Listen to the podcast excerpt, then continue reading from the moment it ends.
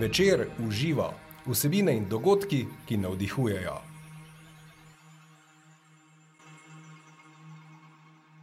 Nova epizoda podcasta Večer uživo je to. Dobrodošle in dobrodošli v naši družbi. Tokrat bo beseda tekla o vzgoji. O tem, ali so sodobni otroci res tako zelo drugačni, kot smo bili otroci nekoč, in ali jih je zato res teže vzgajati. Zakaj na sveti iz priročnikov o vzgoji ne zaležejo zmeraj? Zakaj otrok ne potrebuje idealnih staršev in kaj sploh je dobra vzgoja? Pa tudi o tem, kako pristopamo najstniku. O vsem tem bomo govorili. Moj tokratni sogovornik je zakonski in družinski terapeut Izidor Gašprlin. Dobrodošli, gospod Izidor Gašprlin, kako ste? Zdaj sem slišala, da je ravno po dopustu, ne? Ja, dober dan. Ja, je prvi, da, prvi delovni dan, tako da ni, ni, ni bi se človek hvalil z vseh strani, da ti pomen pospravljam, ampak zdaj smo že pred konc dneva in smo kar uspešno preživeli, tako da sicer sem pa spočit in pripravljen na to, kar me še čaka v nadaljevanju, tako da prav v redu. No, Krasno. Krasno nas veseli. Se pravi, poletje, počitnice, pa me zdaj zanima konkretno, uh, a se starši v tem času kaj obračajo uh, na vas po nasvete, kako delati z otroki oziroma vzgojo otrok, ali je to obdobje, ko smo vsi bolj sproščeni in se takih nasvetov skoraj ne rabi? Uh, jaz zdaj bi pri svojem delu kakšno veliko razliko opazil, ne, prej bi rekel, da je tega manj, no, da uh, več je tega, ker običajno se te težave z, z otroki, ne, se, jaz nikoli rečem, da so težave z otroki, težave so vedno starši, ne, uh, uh, se bolj kažejo pač v, šolskem obdobju, no, zdaj leta se je bila sploh specifika zaradi pač te epidemije, tako da običajno, če bi že kakšno obdobje rekel, da je več teh uh, obiskov staršev, je, bi kar rekel, da je spomladno, bolj ko gre šolsko leto proti koncu, večje stiske so. Zdaj polet pa ne, bi, bi prej rekel, da manj teh, da se manj obračajo na nas, ne, na našo terapevtsko pisarno. Ne. Je pa tako, dopusti so vedno preizkušnja, tako za pare, kot za družine. No. In če bi tako nasplošno rekel, bi rekel, da tam v družinah, kjer so odnosi v redu, kjer, kjer so neki pristni odnosi z neko vsebino, ker, ker so ljudje radi skupaj in tudi vedo, zakaj so skupaj, ne, ne, da ni vse nekaj umetno, se mi zdi, da je čez poletje s problemom manj, da, da, da, da, ker je manj pritisk tako na starše kot na otroke, da si lahko dajo duška še v teh drugih stvareh in, si, in so z užitkom skupaj. Seveda tam, kjer pa ti odnosi že, so že v osnovi načeti. Uh -huh. je, pa, je pa ta dopust in čas, ko, ko bi lahko bili več skupaj in tudi običajno smo, ne sploh podhodno dopust, ko 14 dni si nekje skupaj, pa ne nimaš kam pobegati. Tukaj se pa te razpoke pa pokažejo. Tako da eh, jaz bi tako rekel, da tale dopustniški čas je na nek način en preizkus, kot so recimo prazniki, tisti uh -huh. božično novoletni, je tudi en preizkus eh, kvalitete odnosov, uh, predvsem pa staršev, kvalitete starševstva. Ne. Družine, ki so, ki so v redu, bodo tudi tukaj znale to izkoristiti, to sproščenost. Kot sem rekel, tiste, pa, ki imajo težave, pa znajo te težave na en drugačen način izbruhniti. Ker če se ti prej skozi ukvarjajo z otroki, samo skozi šolo, pa sprašuješ, kaj je v šoli in tako naprej. In če je edini razlog, da ti se sploh z otroki pogovarjaš, to, da te šole pokličajo, oziroma da ti tam nakažejo, da ima tvoje otroke ne težave, seveda, bom rekel, tega tretjega med dopusti ni. Ne. Tukaj moraš ti otroka potem videti že samega po sebi, ne taga kot je. Uh -huh. To ste dali zelo dobro istočnico, vse sem želela nadaljevati tudi v tej smeri. Uh, pomen partnerskega odnosa, se pravi, je ključen tudi za samo vzgojo oziroma, oziroma odnos z otrokom, ne? Zelo lepo ste rekli. Um, Ja, lejte, jaz doskrat da predavam jih kar direktno rečem, ne, ja. da dobra partnerja sta tudi vedno dobra starša, da obratno pa ni čisto nujno, ne, lahko mm -hmm. sta dva zelo dobra starša, pa ni nujno, da bosta tudi med sabo kot partnerja v redu. Ne. In uh, mi, uh, ena pogostejših napak uh, staršev oziroma partnerjev je, da se preveč ukvarjajo z otroki v tem smislu, da mu govorijo, kaj bo za njim dobro, kaj ne mm -hmm. kaj ne ga usmerjajo otrok se precej več nauči izgleda. Torej, on bo precej več bo v njemu stal tega, kaj starši počnejo, kako se obnašata med sabo. to bo on na njega bistvo bolj vplivalo, kot pa to, kaj mu boste govorila, svetovala, priporočevala, prepovedovala. In tudi moj nasvet staršem je, da naj najprej se uredite vsak zase in skupaj naj poskrbite zase, da boste v redu in bo potem to najboljša popotnica za otroka. Ne? Mhm. Se pravi, da v takem primeru, če tudi ta starševski oziroma partnerski odnos ne, ne, bom rekla, ne štima, da čečem po štajersko, se pravi, tudi vsa ta literatura in razni nasveti eh, nimajo učinka. Ne? Zdaj, če bi se mal pri tej literaturi eh, zadržala, zdaj res dostopamo do raznih informacij, nasvetov, pa kljub vsemu starši eh, ostajamo zmedeni, ko gre za vzgojo otrok. Kaj mislite, zakaj? Mislim, zdi se mi, da premalo uh, tudi zaupamo svoji intuiciji, ko gre za našega otroka oziroma za odnos z njim. Kaj pravite? Ja, vse je res, ampak gledajte, intuiciji zaupati, ne. Ja. Veste, tudi naša intuicija pride do nje, ne. Ja. je ena taka skrivnostna pota, ne. Bolj, ko smo mi nezreli, bolj, ko smo, ko imamo sami sabo težave, več, ko je, bom jaz rekel, nekih usedlin med, med nami in našo intuicijo, uh, se čas nekaj mi slišimo ali pa čutimo kot intuicija, pa je to deleč od tega, ne. Tako da, uh, osebno zreli starši ne, bodo tudi uh, čist drugače dostopali in ravnali z otroki, kot pa tisti, ki, ima, ki so že na tej poti, uh, bom rekel, in nekje zaškripalo. Ne. Zdaj, zmeraj pa seveda ravno zaradi tega, vi govorite velike literature. Jaz ne vem, če je to dobro, ne, ker mm. danes prvič skoraj vsak že gre lahko že knjigo napisati. Uh, jaz bi zdaj, če bi bil mal zloben, bi lahko z rokava stresel vsaj ne 5-6 knjig z področja vzgoja otrok ki jih eh, odsvetujem, ampak dobro, zdaj mislim, da to ne bo pametno početi. Ampak eh, zmeraj je seveda, ker vi prevzamete, če vzamete po naključju pet knjig ali pa greste na, do petih predavateljev, ne boste lahko slišali zelo različne, zelo različne nasvete. Seveda nekateri so iz tega obdobja, da mu kar reči, eh, kakšnih 20 let nazaj mm -hmm. je v ta obdobje te dejansko, bom rekel, permisivnosti. Eh, to, to, je, le, to bom direktno, ne bom nečel manjkaro, to je pa povsem zgrešeno in mislim, da, da je to več ali manj jasno, ne? da zdaj eh, so poglede glede vzgoje gre v drugo smer, ampak spet je tukaj uh, zelo težko dobiti neko rdečo nit, za katero bi se starš zunaj zagrabil, uh, tako da sta še vedno tako, kot je bilo in mislim, da tudi vedno bo, sta starša bolj kot ne prepuščena sama sebi, in predvsem, da se drug z drugim pogovarjate, usklajujete.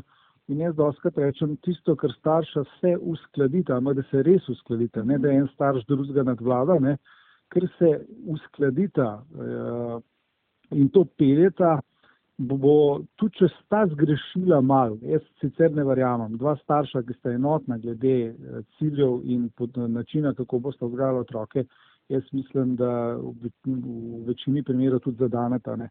Ampak tudi če sta zgrešila, ne, eh, -huh. Mhm. seveda ne govorim zdaj o teh deviacijah, kot so nasilje in tako naprej, tudi če zgrešita, je ta njuna enotnost in dobro namernost do otroka bolj pomembna kot to, da zadaneš. Vse ti vnaprej, kot starš, ne moreš vedeti, kaj ja. točno in kako bo na otroka deloval, ker vsak otrok je zgodba skrivno zase. Ti imaš lahko tri otroke, pa bojo ti trije tvoji otroci iz istega gnezda potrebovali zelo različne stvari, sploh če so v različnih starostnih obdobjih, ker so seveda so. Ne. E, tako da tukaj starševstvo, jaz rekel, je eno, eno stalen proces sodelovanja, rasti in učenja. Ne.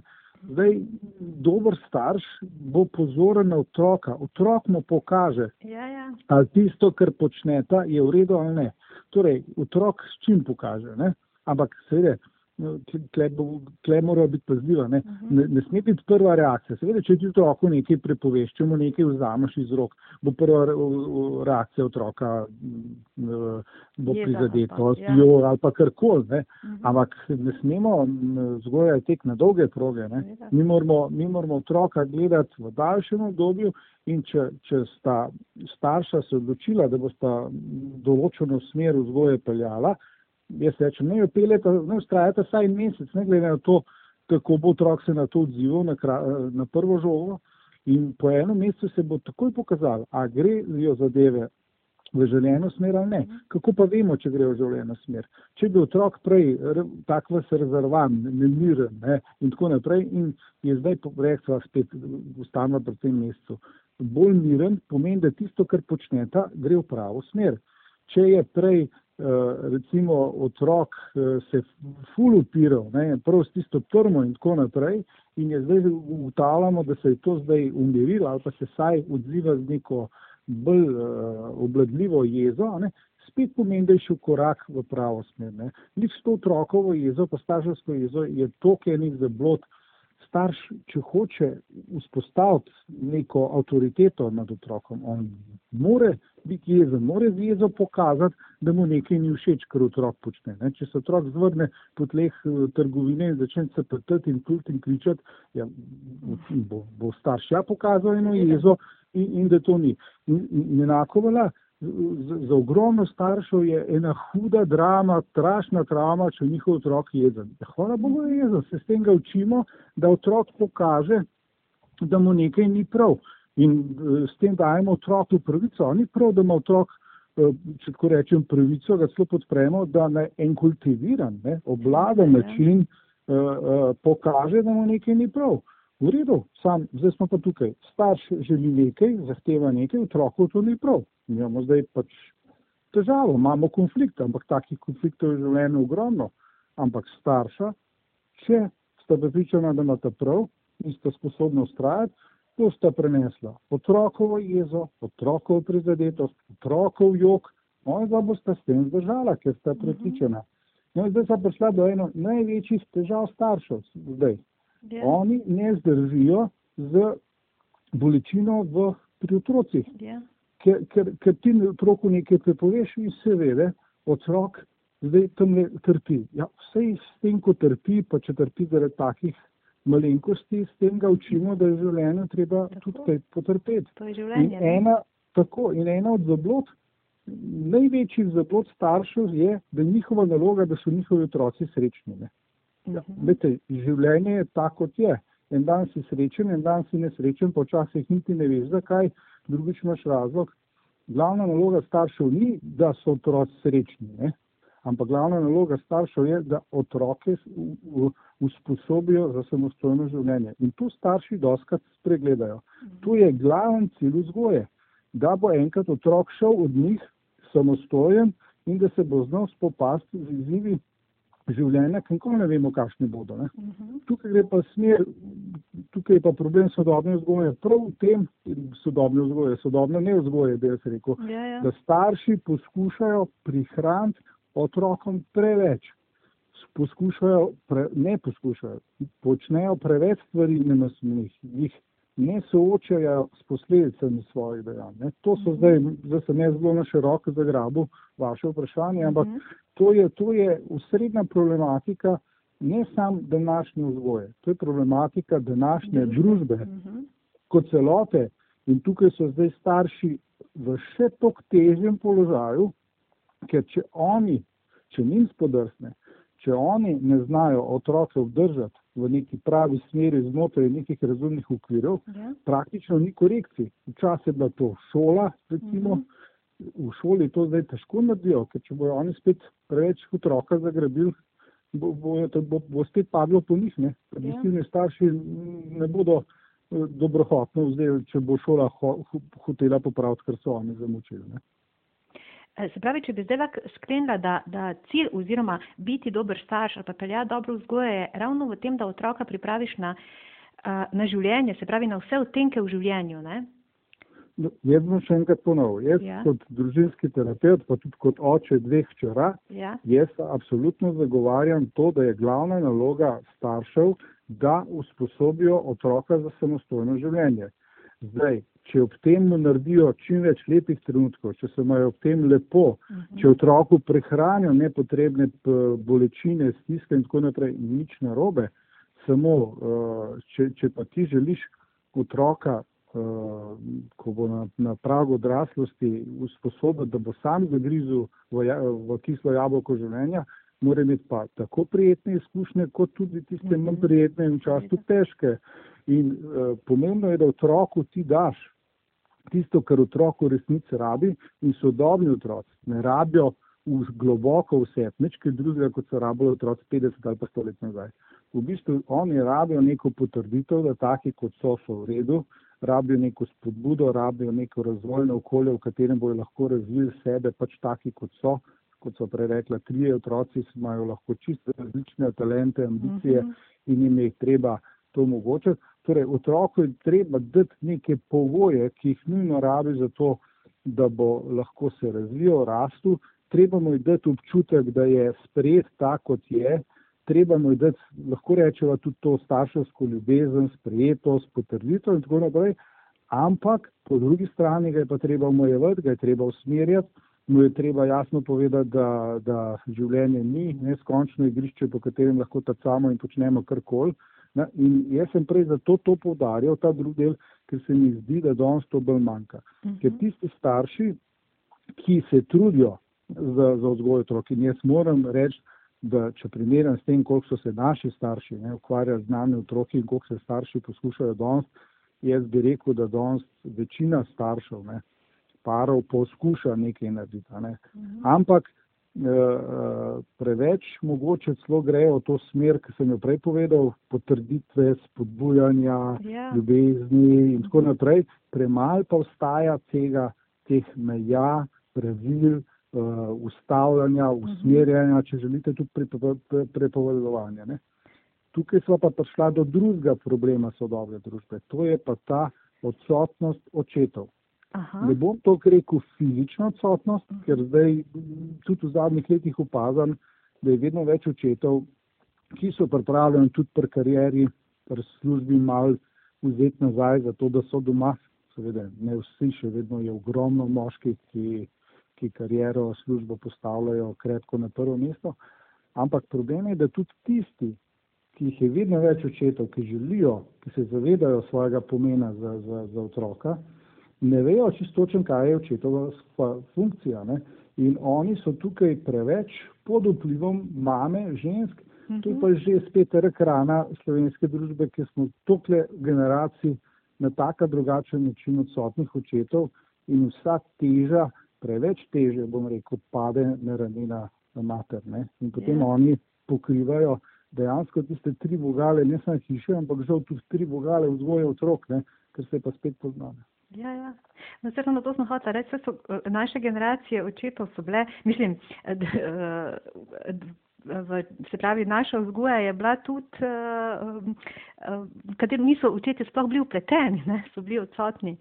Um, Tako, ja. ampak zdaj, zdaj imamo pa upravka z druge vrste. Seveda, ja, tukaj so pa zdaj očetje fizično prisotni, kar je po svoje mogoče ja. še svoj slabš. Ne, otrok razume, aha, oči je ni, ker služi denar za to, da imam jaz ne vem kolo, pa da gremo lahko uh -huh. dopustiti in tako naprej.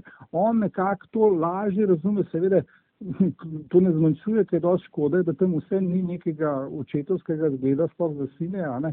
da ni neke podpore, da nimaš tam nekoga, na kjer ga se lahko obrneš po neko trdnost na svet, in potem vse obvesi na mami.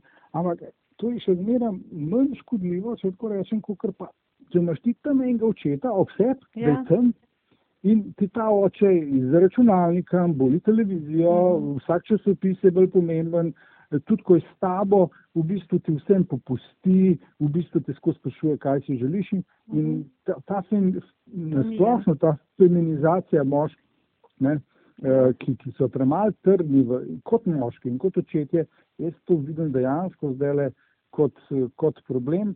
Seveda, druga plat tega problema je pa, da so ženske enostavno prestale preveč dominantne, preveč hočejo kontrolirati, grejo predeleč, ne samo doma, tudi v šoli. Uh -huh. ne, tako da tukaj je, pa jih je po eni strani treba razumeti. One bi želele čim najboljše, ne, tam ni nekega močnega očeta. Ja, ja. In, in, tako da to je, to je neka, bom rekel, neka past, v katero so se jaz sodobni starši. No. Uh, gospod Gašperlin, da vas zdaj še malo ostati tukaj pri prisotnosti staršev um, uh, v, pri, otroku, pri otrocih. Uh, zanima me predvsem v smislu um, preživljanja, kakovostnega preživljanja časa z otroki. Ali še zmer velja to, uh, da je pomembno, da čas preživljamo z otrokom kvalitetno, pa ni ravno pomembno, koliko časa smo z otrokom, ali je pomembna tudi um, kvantiteta oziroma količina preživetega časa. In kako sploh biti kakovostno z otrokom? Ne? Se ste rekli, mi smo lahko fizično, smo prisotni mentalno oziroma čustveno, pa odplavamo. Ne? Lejte, absolutno je bolj pomembna kvaliteta. Ja. Torej, cel kup je raziskav, ki jasno pokažejo, da tudi uh, otroci, kjer so starši veliko odsotni, če so takrat, ko so z njimi, ne, Prisotni, uh, ne. so res z njimi Mhm. in lahko z lahkoto nadomestijo vse ta čas, ko jih ni bilo. Tako da kvaliteta je sigurno bolj pomembna, seveda more pa biti tudi nek ustrezna količina časa, pa vse more biti za to, da, da, da, da sploh dobiš občutek, da si, da si v isti družini, ne, da, da, Mhm. da, da si pripadaš, da si tam nekje. Ne. Zdaj s kvaliteto je pa spet tako. Ne.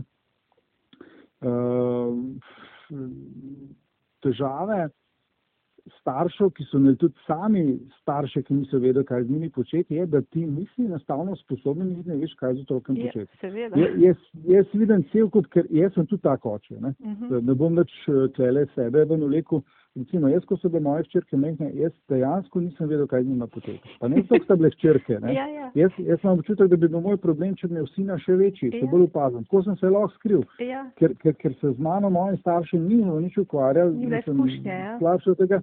Za me je seveda zdaj, ko sta hčerki že toliko stari in se jim lahko samo upravičujem, m, pa meni samo žal za ti izgubljen čas toliko nazaj, meni se takrat pojma nisem imel, kaj narediti. Tudi takrat, ko sem zavestno želel biti njima, ker Mhm. uh, uh, uh, to, to, to, to ni majhna zadeva in bi se tudi rekel zdaj le sploh učetem, ker bojo poslušali tale najen podcast, ne, da če ne vejo, kaj naj z otrokom početi in se ne sprašuje, kaj z njimi narobe, lete, v redu ste, pač noben vas ni naučil, vseh stvari v tem življenju se treba naučiti, tudi tega, kako z otrokom biti, kaj z njim početi.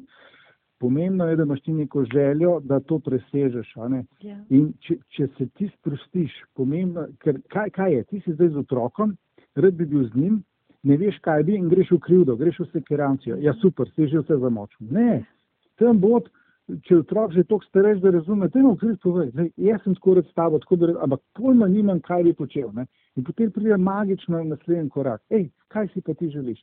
Sej otroka ni nič narobe vprašati, kaj si pa ti želiš, sam nematerialnega, kaj si pa Ja. ti želiš od mene. Ali pa še hujš starš, to, to je meni sploh všeč, če prekašem očetu slišim, da reče, kaj pa ti pogrešaš od mene. Ne? Jaz, učeta, ki to reče, ma jaz ga bi rekel, ej, jaz bom dal medaljo. To, to, je to, Saj to so čist preproste, pristne Tako. stvari, ki odprejo vrata, ampak to narediti, to ni mala šala, to, to zahteva trening, to pomeni, ok, danes si bil z otrokom tri minute, si, si bil z njim, pa si bil užitkan njim pa sproščeno, v redu, ok, boš jutri tri pa pol. In zdaj, dajmo, če ti, si vsak teden prebil to, to zadevo za 10 sekund, ma ti pri 15 letih lahko že prideš na, na to, da si z otrokom 2-3 ure uživaš skupaj. Mislim, ne, ni druge. Ne? In ko so spet pri knjigah. Če pa nekdo zdaj išče magično rešitev, magičen odgovor pri neki knjigi, pri nekem terapeutu, seveda tam ga ni. To je trening. In otroci otrok so najboljši učitelji iz tega področja. Ni najboljših. Um, ja, super je tole slišati. Um, Veste, kaj mi povete, prej smo se tudi pogovarjala, uh, oziroma ste omenili um, uh, meje oziroma uh, ja, omejitve, um, prepovedi. Kak je pa s kaznimi v vzgoji? Lejte, jaz eh, dosledno na vseh Ja. delavnicah, na vseh predavanjih, pa tudi v knjigah, ne, tisti, ki sem jih uh, pisal, jaz se izogibam besedi kazen oziroma če jo že uporabim, jo upora, uporabim z negativnim predznakom. Mhm. Lejte, pa bom zdaj razložil. Ja, ve- vedno je pri vseh pojmih, je, kako jih definiramo. Ne. Ja. In zame je kazen, torej jaz kazen, kaznovanje otrok absolutno odsvetujem. To se pravi. Ampak kazen, tako kot jaz razumem. Otroka od, naučimo odgovornosti s tem, da ga soočamo s posledicami njegovih dejanj oziroma nedejanj. In tukaj je poanta. Ne? torej, če on nekaj poškoduje, naj popravi oziroma se mu vzame malo žepnine, ampak to ni kazen. To pomeni, da on razume, če se nekaj poškoduje, to, to, zato se porabi denar, če ga porabiš za to, ga za, ne, za nekaj drugega. Seveda, mora biti pa to soočanje, ne moreš ti njemu reči, on reče, le bom strehe dol skop, skočil, pa mu rečeš, ja, kar skoč, boš videl, da to ni v redu. Ne? Torej, ga je pa treba obvarovati, to se pravi, takrat, ko, ko pa njegova ravnanja bi povzročili prevelike posledice, uh -huh. takrat je pa treba poseči po prepovedi. Ne? To pomeni, da je treba fizično prepričati, da on naredi kakšno tako hudo zadevo, ki bi se mu lahko trajno poznala na zdravju ali pa boh ne da, še, da, da, da, da dokončno ugasne njegov življenje. E, torej, tukaj vse starštvo je vedno hoja po, po rezilu, ne? ja, po robu. Ne? Ti zdaj, če boš preveč otroku, ga preveč popuščal, ne, dopuščal, da bo se soočal s pre, preveč s posledicami svojih ravnanj, ne boš preveč ravnanj dovolil, mhm. se lahko zgodi, kot so rekla, da bo imel neke trajne hude posledice ali pa da ga celo izgubimo. Ne. Če boš preveč popuščal, bomo tam na drugi strani spet videli nekoga razpuščenega, ki bo imel potem težave v podjetjih, v šoli, no, ne v obratnem vrstnem redu. Tako imel bo težave konc koncev s sabo, v partnerstvu, uh, in tako naprej, v bistvu bo posod pričakoval več kot drugih, kot od sebe. Uh -huh. Kje je zdaj ta meja? Veste, spet imate vi lahko dva otroka, bo enega treba bolj spodbujati, enega bo treba bolj ustavljati. Yeah. Ja. In zato, zato jaz tukaj pravim kaznovanje, recimo tipičen primer kaznovanja. Danes, kar koli otroci naredijo, je vedno posledica skoraj vedno ena lista. Vzamejo mobitel ali pa računalnik. Ne? Ja, seveda, se prizadene. Okay. Ja. Ti si po, po nesreči razbil vazo in zdaj pet dni brez računalnika. Zdaj ti mi vi razložiti, kje je povezava med vazo in računalnikom. Ne? Se otroci niso neumni. Ne? Ja. Ni. Ne? Tisto, kar sem pa prej dal primer, ne? torej si jo poškodoval, razbil, ampak razbil jo nis, ti si bil že dvakrat upozorjen, da če boš brcal žogo po dnevni, ne? Lej, zdaj pa dost, ne? Zdaj, zdaj pa vidiš konkretno škodo, njemu razložiš, ni treba nič se razburjati, zelo hudo se je konc koncev le samo vaza ampak vedno je naj bo cilj, da otroku nekaj razložimo. Torej, tukaj je to, to zgodba se je tako in tako, bil si upozorjen, posledice so naslednje. Recimo, ta vaza stane toliko, da mu kupil novo, ti boš pa dal sorazmerno toliko. Ne vem, ja, naslednja tvoja žepnina ali boš pa dva meseca brez žepnine. Uh mhm. -huh. Recimo, lete primer, ni to, jaz nikoli nočem teh primerov dajati kot neke konkretne nasvete, za katere se je treba obesiti, treba je ugotoviti, kaj konkretno bo po otroku delovati. Ampak na dolgi rok, če hočemo otroka, eh, eh, da se razvija v neko samostojno odgovorno osebnost, je edina pot to, da on prevzema odgovornost za tisto, kar naredi, oziroma tisto, kar ne, ne naredi, pa bi moral narediti. Ne? Mhm. Prej, ko ga začnemo s tem soočati, boljš bo. Sam tukaj jaz ponovadi dam primerjavo z enim drevesom ga posadimo. Ja. Če ga bomo ta, ki mu damo to uporo, ne, ta kov uporni, ne, če, če ga bomo imeli predolg časa prevezanega za ta kov, se ne bo razvil tako, kot bi se lahko. Uh mhm. -huh. Če ga bomo pa prehitro odmaknili od te upore, se pa zna zlomiti. Uh mhm. -huh. In so spet prhoji po robu. Kdaj je, kdaj je tisto pravo odmakniti oporo? Kdaj je tisto pravi tako. moment? Ampak tukaj, gledajte, če starša sodelujeta, ja. običajno je tako, da eden bi bil bolj rigorozen, bolj stroh, ne, drug bi bil pa bolj mehak, ne, ja. kdo ima prav. Gledajte, oba imata prav, sam, če boste ona dva sodelovala, ne tekmovala, pa prepričovala, kdo ima prav, če boste sodelovala in se na koncu, bom rekel, spogajala na neko zdravo mero, jaz mislim, da bo otrok v varnih rokah. Uh, gospod Gašperlin, kaj pa po drugi strani, zdaj smo rekli neke um, kazni oziroma kazni uh, sprejemanje odgovornosti za posledice, kaj pa po drugi strani pa neka nagrajevanja.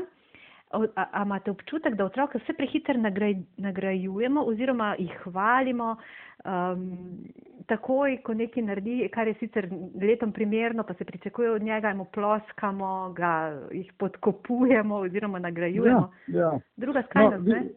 Tako, vi ste zdaj kar ta prav, jaz sem že čakal, da pridem do besede, pa ste že sama. Ne? Ja, Na, nagrajevali, ne, ne, ste že sama uporabila besedo. Eno je nagrajevanje kot nagrajevanje, drugo je pa podkupovanje. Aha, da ti ja. otroku daš denar ali pa eno obljubiš eno nagrado za to, da bi naredil nekaj, kar je samo po sebi umevno.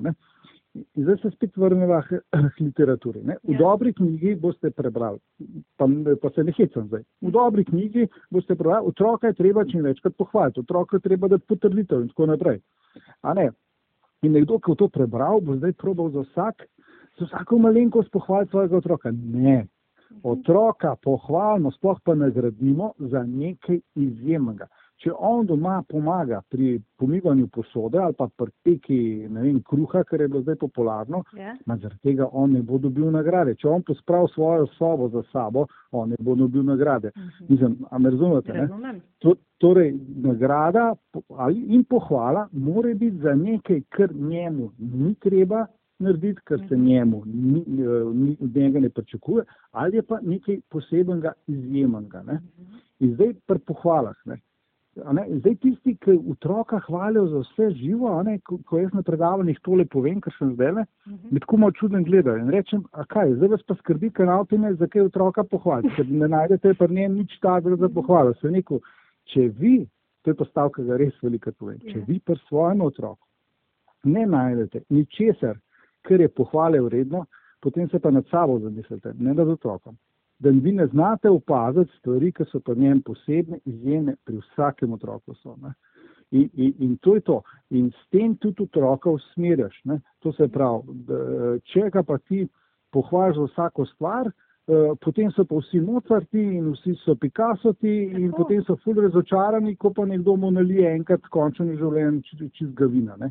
Ampak eh, tako da spet in sva spet prehoji po robu. Ne? To se pravi, treba je znati ločiti, kje je tista točka, tista meja, ko pa nekomu, ko pa otroku rečeš, hej, tole je bilo pa res briljantno. Ni pa nič narobe, če se mu pa zahvališ tudi za običajne stvari. Sva pa šla do nečesa, že tam nisem videl.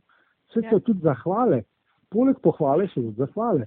Ne? Ja, lepo, Za tisto, kar je pa čisto običajno, hej, hvala, ker si pobil posodo. Ne pa, da zdaj z tega delamo, wow, da si pa posodo pomil, zdaj bova pa, ne vem, bomo pa šli, ne vem, ti bomo kupili uh, se ta gorca, ki ga bomo zdaj nisle, pa bomo ti bomo kupili pa še taga, se še s zadnjimi amortizerji. Ni treba. Ni treba, ne. Tako. Ne, lepo ste to poudarili oziroma razložili te razlike. Um, sicer pa vse to ponavadi delamo starši, uh, generacije, ki pa smo red, uh, redkeje slišali pohvale. Ne? Naši starši so bolj skoparili s tem, so bili zelo zadržani. Bog ne daj pohvaliti, ker se bo kaj prevzel, so pravili. Ne? To je bila pa druga skrajnost. In zato mogoče Ja. da je to kraj, um, pa z večjim užitkom hvalimo svoje otroke. Ne? Ja, to. sploh, ko- sploh, ko se enkrat plas odpre, pa kar ne Ja. znamo nehati. Ne? Ja, ja. Ampak, ampak lejte, eh, spet so pri nečem. Otrok, tudi če ne ve, tudi če se Mhm. dela, da ne ve, otrok točno čuti, kdaj si ga pohvalil iz sebe, iskreno, pristno, kdaj si mu pa dal pohvale čisto samo zato, ker misli, da mu je treba dati. a ne. Mhm. In, in, in spet eh, ste nakazala na krasen. Nekdo, ki ni bil iskreno, pristno pohvaljen od svojih staršev, ne, bo to zelo težko, kar sam po sebi dal svojemu otroku. Tudi zato je potreben trening. Starševstvo je dejansko en najboljš, bom zdaj uporabil eno, eno tako že zelo po- uporabljeno eh, frazo, en najboljših načinov za cenjenje osebnih ra, eh, ran iz zgodnega otroštva. ne. Ker tukaj Ja. ni boljšega zdravila, kot če ti svojemu otroku pristno, sproščeno in iskreno daš nekaj, kar si ti želel, pa nisi nikoli dobo. Ne. To je, to je, to je najboljši obliž na te rane. No. Najboljši. Lepo. Um, gospod Gašprlin, dajva se zdaj še malo najstnikov. Te, te populacije, ki se mi zdi je večkrat spregledana, oziroma um, ja, um, imamo pa uh, pri vzgoji najstnikov se nekako uh, najbolj zatikamo, ker ali, ali so že se nekako poznajo posledice, oziroma ne, nekako se poznajo posledice vzgoje. Uh, ali mogoče za bojenih priložnosti in pol jih imamo kar za trmaste, za neposlušne, za naporne. Pa mi povejte, kako komunicirati z najstnikom, z odraščajočim uh, otrokom, da ne, ne vedno da ne prijemo na nek, na, ne, da ne naletimo na zid, na, na, ne vem, na negativne reakcije. Um, No. Tako zelo široko vprašanje. Ne? Mislim, Ja, ampak vi, vi me tako lepo vprašate, da v bistvu v vaših vprašanjih je že tako, da so že na pol odgovori. ne. Glejte, najprej, kar je uh, uh, v najstništvu, ne, ja, se, se najbolj, so starši najbolj nagrajeni oziroma na nek način kaznovani za svojo minulo delo. Ne. no, Ker, ker, ker, ker, ker če so tukaj svoje delo opravljali vsaj za silo dobro, potem bo tudi najstništvo uh, ne bo tak hud izziv. Mhm. Če so pa ga biksal ne, v tem prvem delu, da je nekje reč do tam 11. leta, ne, 10-11. leta, ja, to so take obdobja. Ja. Uh, uh, prvo je tam do šest let, ne, ko se otroški možgani razvijajo ne, uh, v širino in globino, sicer že prej, ampak vsaj do šestega leta je pa to to.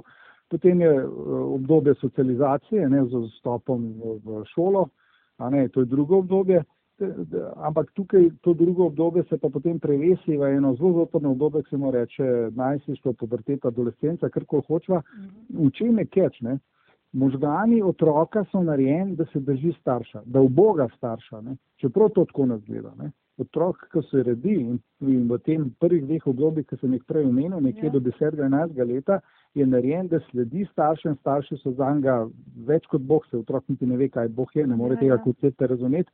Torej, enostavno on v Boga in sledi staršem. Tudi ko se upira, ne, ko ne v Boga, je to v bistvu klic po staršu, predvsem po očetu, da ga spravi na tirenco, da ga umiri. Ne, Zdaj pa, seveda, nekdo, otrok, ki pa stalno v Boga sledi in posluša starše, je zdaj pa malo šlo v konflikt s temeljnim namenom ne, odraščanja. To je pa to, da otrok postane samostojen.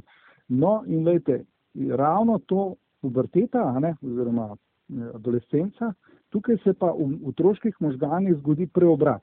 Ja. Možgani iz faze uboganja, ne, predhodnih let, gredo v fazo upiranja, ker edini na ta način ti lahko postaneš samostojna oseba odgovorna. Ne moreš ti poslušati druge, delati, kot drugi hočejo, pa postati samostojna. Gre. In umestna zoporna faza je puberteta, adolescenca, In zdaj pa tisti, ki jaz doskrat rečem, če je najstnik problematičen, uporen, trmast, se postavlja zase, je v redu. Mene bolj skrbijo tisti, ki niso, ker to no, pomeni, da so jih že zlomili. Ja. Seveda je pa to težavno obdobje za starše, ampak verjamete, da je to še hudičevo bolj težavno za otroka, ker v njemu, v njegovih možganih se to na novo vse postavlja in, in on kar naenkrat rabi tudi čist, čist nekaj drugega od staršev. Ne. In tukaj seveda sploh starša, ki ste se tudi med sabo kot partnerje zgubili, tega izziva najsištva, temu ne boste tako sniti podrazno. Ne.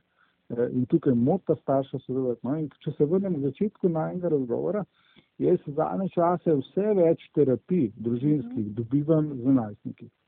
Ravno, ravno zato, ker tukaj enostavno starši ugotovijo, da so izgubili čisto vse vzvode, vse mehanizme, popolnoma so izgubljeni, sploh očetje. In tukaj ugotovijo, da je edina šansa, če hočejo ohraniti uh, otroka eh, v svoji orbiti, da grejo po pomoč. No. Tako da v zadnjem času bi, bi, bi to rekel, da opažam, uh, če so se včasih starši bolj v osnovni šoli, ker so otroci kazali neke razvojne deficite ali pa imeli težave z učenjem, jaz se zdaj bolj, ali se pa sam bolj name obračajo zaradi tega. No. Uh, Tako da, eh, kaj je zdaj z najstnikom drugače? Prej smo od otroka pričakovali, da mu damo navodila, mu damo pravila in da jih on v Boga in da jih slepo v Boga. Vete, najstnik tega ne bo več delal. Najstniku je treba predvsem pustiti pravico do svojega prav. In če ti najstnika pripričuješ, da nima prav in da je tvoj prav edini prav, in če ti njega slepo pričakuješ v stilu, le to bo tako, zato sem jaz rekel, -hmm. Potem tukaj drugega kot en upor in eno odvrnitev od staršev ne morete pričakovati. Tukaj v dobi najstništva gre v drugo smer. Tukaj gremo v fazo pa dogovarjanja, pogajanja. Jaz bi to mhm. rekel, da je najstništvo faza pogajanja. Ne. To pomeni, če, če bi eno stvar izbral, kaj more starš najstniku sporočati, je to, da ima pravico do svojega prav, da ga mu niti ni treba ne vem kako zagovarjati, da, ga, da, da se ga ne napada, da, da, da se upošteva tudi njegov pogled mnenje, čeprav se z njim ne strinjamo, ampak ga upoštevamo. Torej, najstnika je treba upoštevati. Ampak, zdaj pa pride ampak. Najstnik ni samostojen, ne ekonomsko, tudi če čustveno ne in tako naprej. Živi v neki skupnosti, ki se reče družina, ali pa stanovanska skupnost, karkoli že. To je pač družina, da je kar poenostavljeno v tej družini veljajo neka pravila, ker drugače bo družino raznesel, drugače bo kaos. In mi tukaj sprejemamo neka pravila. Te poslušamo, te slišimo Ne pomeni, da ti damo prav, če ti damo prav, bomo tudi upoštevali tvoje in bomo spremenili pravila. Torej, ampak ta pravila, ki jih pa sprejeva ta starša, se jih pa držiš, ker si član skupnosti, ki se reče družina. Ampak to ne pomeni, da se mi za tabo ne strinjava, ampak tukaj imamo neka pravila, ki morajo veljati na nek razumen način za vse. Zdaj, če tudi na ta način tudi njega pripravljamo, da bo ne vem, na eni fakulteti, kasneje na enem, pod, eh, bom rekel, podjetjih, v kjerokoli skupnost bo prišel, bo razumel, da če hoče skupnost dobro funkcionirati, mora tam biti neke jasne pravila igre, ki se jih v razumni eh, eh, meri držimo in da dokaj časa pravil ne spremenimo, pač se jih držimo.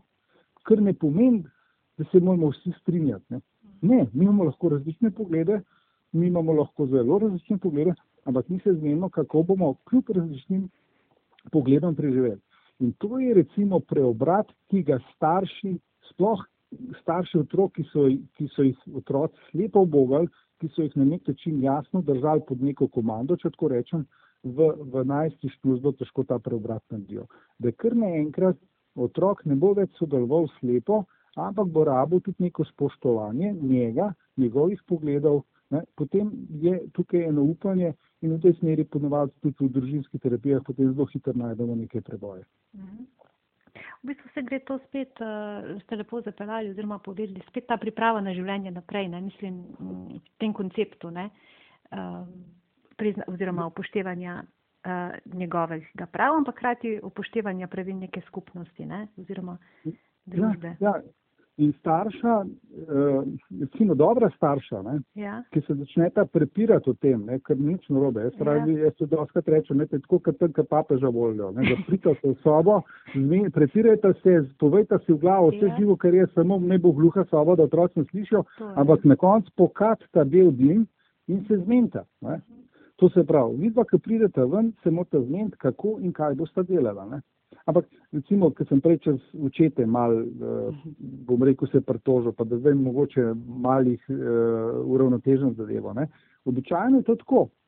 Zdaj se pa nekaj zmenta ne, in treba bo neke omejitve, treba bo neke eh, prepovedi, pravila in tako naprej. In seveda, kdo v družini more biti skrbnik te strukture teh pravil? Ja, oče. Ne. Mhm. In zdaj kaj se zgodi?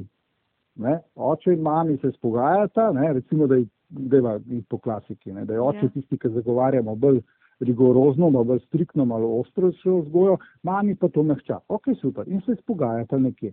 In sta enotna. Zdaj pa pride do tega. In otrok se ne drži pravil, seveda sledi posledica, sledi Tako, pač, ker smo zmenjeni.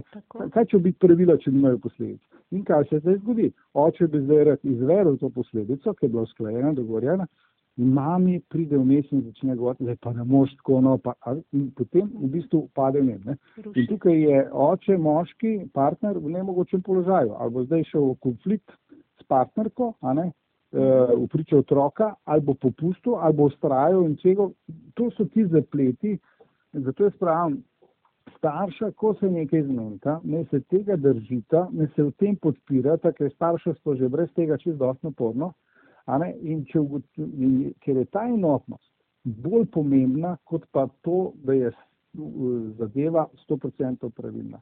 In če boste gotovila, da sta mogoče da preveč zapila, v redu, boste šla še enkrat v tisto sobo in še enkrat pokadla bel dim in boste prišla z novim, bom rekel, z novo zadevo in boste to potem pelala naprej. Ne. Torej, če, če spet ko rečem, ni pomembno to, zdo, da se starša vsem strinjata, da imata popolnoma enotne poglede na vzgoje. Sam se morata pa poenotiti. To pa pomeni, da se morata dogovoriti, zmeniti in potem to izvajati do tistega trenutka, ko se izkaže, da ta zadeva ne deluje. Potem se morata pa pač zmeniti na novo in to izvajati. Ne. Jaz boljšega načina ga ne vidim. No. Ja.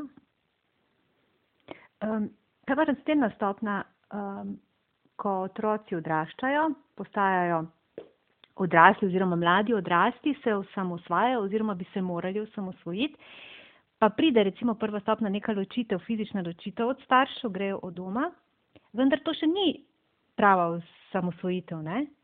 Oziroma, kako kak, kak spuščamo otroka, neka zdravo, pa varno iz gnezda, no? Tu, tu smo mame ponavadi problematične. No, Ja, ja, ja, No, ne? ja seveda. Ja, sploh mame, ki nimajo partnerjev, Ja. ja. nimajo dobrega partnerstva, ne, potem si sploh sinov naredijo eh, nadomestne partnerje Ja. in teh zelo težko spustijo. Uh, ja, to so znane zgodbe ne, in tega je ogromno, ampak mm, glejte, zdaj spet kako. Ne. Ja. Uh, jaz mislim, da je bolj pomembno, da mi da tudi povejo, kaj je cilj. Ne. Še Ja. enkrat, cilj je, da otrok se, zdaj pa vi ste takoj šla na fizično osamosvojitev. Ne. E, jaz tukaj ne bom tako rigorozen, ne, ker vem, kako je težko danes otrokom iti na svoje. Ne, Tudi finančno, ekonomskega, fizični ja, ja, ja, ja. Jaz nimam nič proti temu, če so otroci ostanejo, če se recimo en mlad nov par ne, Mhm. uh, naredi dom v hiši svojih enih ali drugih staršev. Ne. Sam, to mora biti ločeno, ne. to mora biti svoj vhod, to mora biti vse ločeno. Ne. Mhm. Tukaj starši, ki pridejo, morajo pozvoniti. če, Ja, če, če nimate časa, morajo starši sprejeti, da, nima, da nim, otroci njegov nimajo časa. Tako da jaz bi tukaj upozoril na drugo zadevo, ki je bistveno bolj pomembna. Ne. Govorijo zdaj o ekonomski, fizični osamosvojitvi. Ta, ti greš, jaz mislim, da sem tudi, uh, se bom zdaj ponovil, doskrat rečem, otrok gre lahko v Avstralijo, na drug konc sveta, pa bo bolj zavezan staršem, bo manj osamosvojen kot pa nekdo, ki živi v mansardi. Ja, Gre za čustveno, Ja. za čustveno samosvojitev gre. Ne. To je pomembno, da se otrok čustveno, zdaj strokovno se temu reče, diferencira, loči od staršev. Kaj konkretno zdaj to pomeni? Ne?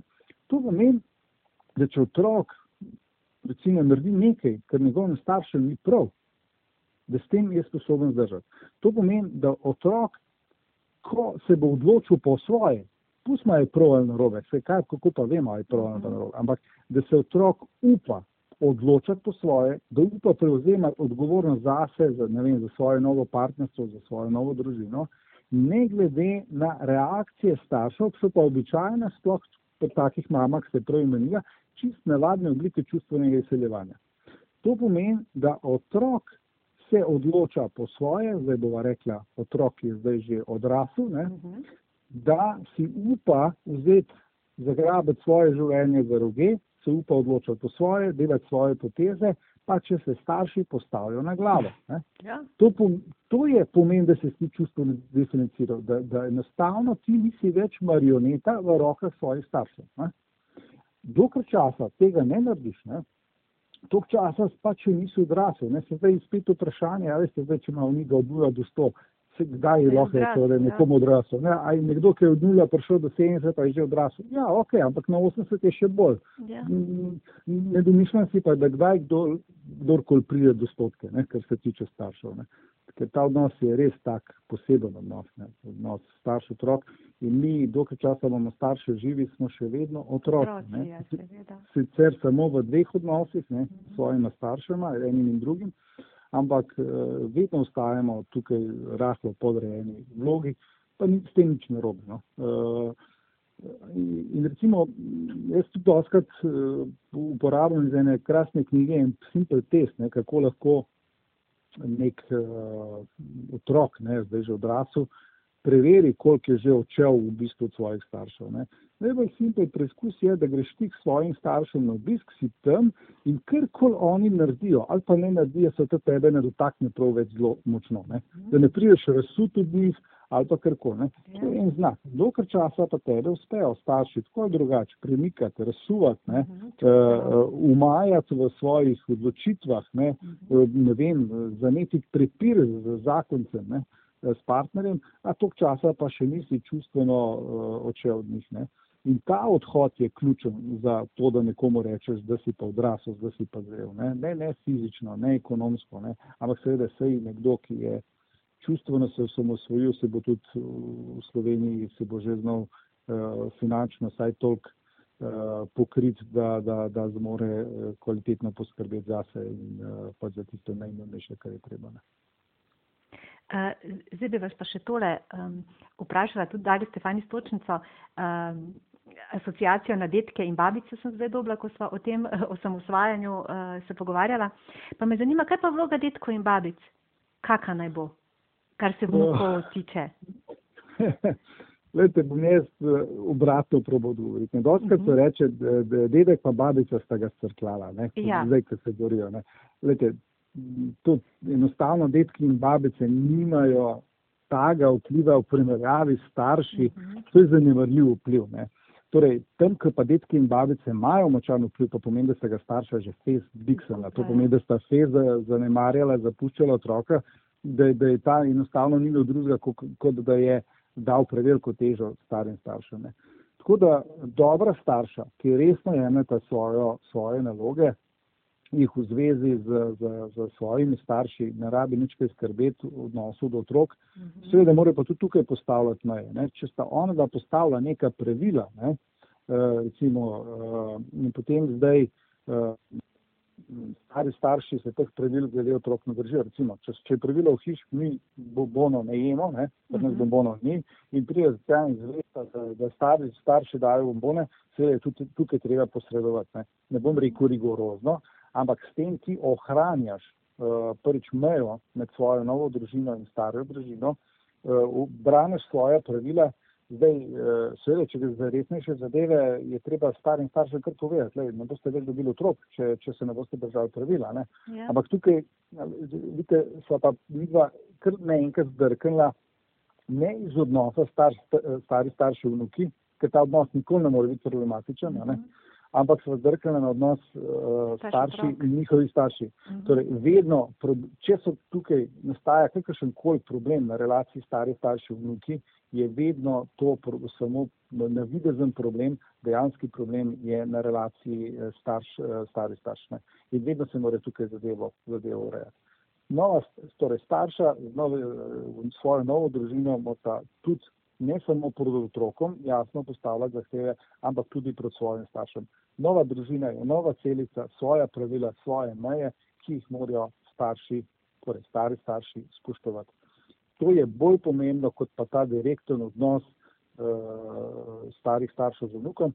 Seveda, tam ne govorijo pa tam, da se dogajajo kakšne hude stvari v obliki nasilja in to, to je pa treba takoj, takoj, takoj ustaviti. Ne morejo pa stari starši uh, strkljati otrok, ne, če tako rečem, ne morejo in uh, ne, ne vem, usaditi nekih čudnih navad, pogledov, če so svoje delo pravata, vsaj približno tako, kot je treba. Ne.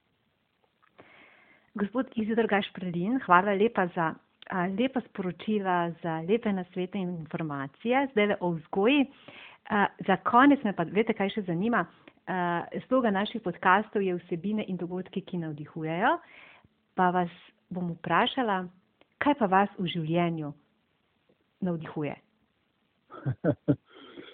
uh, lejte, ena beseda mi pride na misel, ne, pristnost. To se mhm. pravi, jaz sem že od nekdaj, ker vem, pač takrat, ko je moj, moj življenje mogoče celo težek za me v tistem zgodnejšem obdobju, je bila narava tista, ali preko športa, ali kasneje s fotografijo, karkoli. Meni je bila narava, ta pač, temu reč, pristen stik z nečem, kar te včara, kar se te dotakne, kar te umiri. To je bila prva stvar, ki se jaz tako spomnim, da, da, da, da me je resno dihvala. Seveda zdaj, starejši kot sem, pa vse večjo težo doživlja ta pristnost v odnosih. Posebej pristen stik med, ne bom rekel med ljudmi, ker pristen stik med ljudmi je težko, pristen stik, stik z nekim človekom, ne, z nekim izbrancem, z nekim odnosom, ki je nekaj večno. In uh, jaz bi tako rekel, da mogoče niti nimam tok teh uh, odnosov, nimam, niti nimam nekega širšega kroga uh, ljudi, s katerimi se družim ali pa bi krepil neke uh, pogostejše stike ampak s tem ožjim krogom tukaj pa sem vedno znova uh, navdušen, ko uspemo doseči neko nek pristnosti, nek, ko, ko se res čutiš, da si z nekom lahko tak, kot si in uh, drugi priživi s tabo, ti pa tudi zdržiš z njim. Pa, če pa še prijetno, je pa to sploh uh, en, en višek. No. Tako da, če moram izbrati nekaj, kar me duhuje, ravno ta pristnost v, v doživljanju, v stikih. Ne. Eh, posebej v odnosih. Več informacij o podcastih in dogodkih večer v živo najdete na trikratdvojni www.com poševnica v živo in na facebook strani večer v živo. Tudi tokrat sem bila z vami Maja Furman, srčno in srečno, dok malu.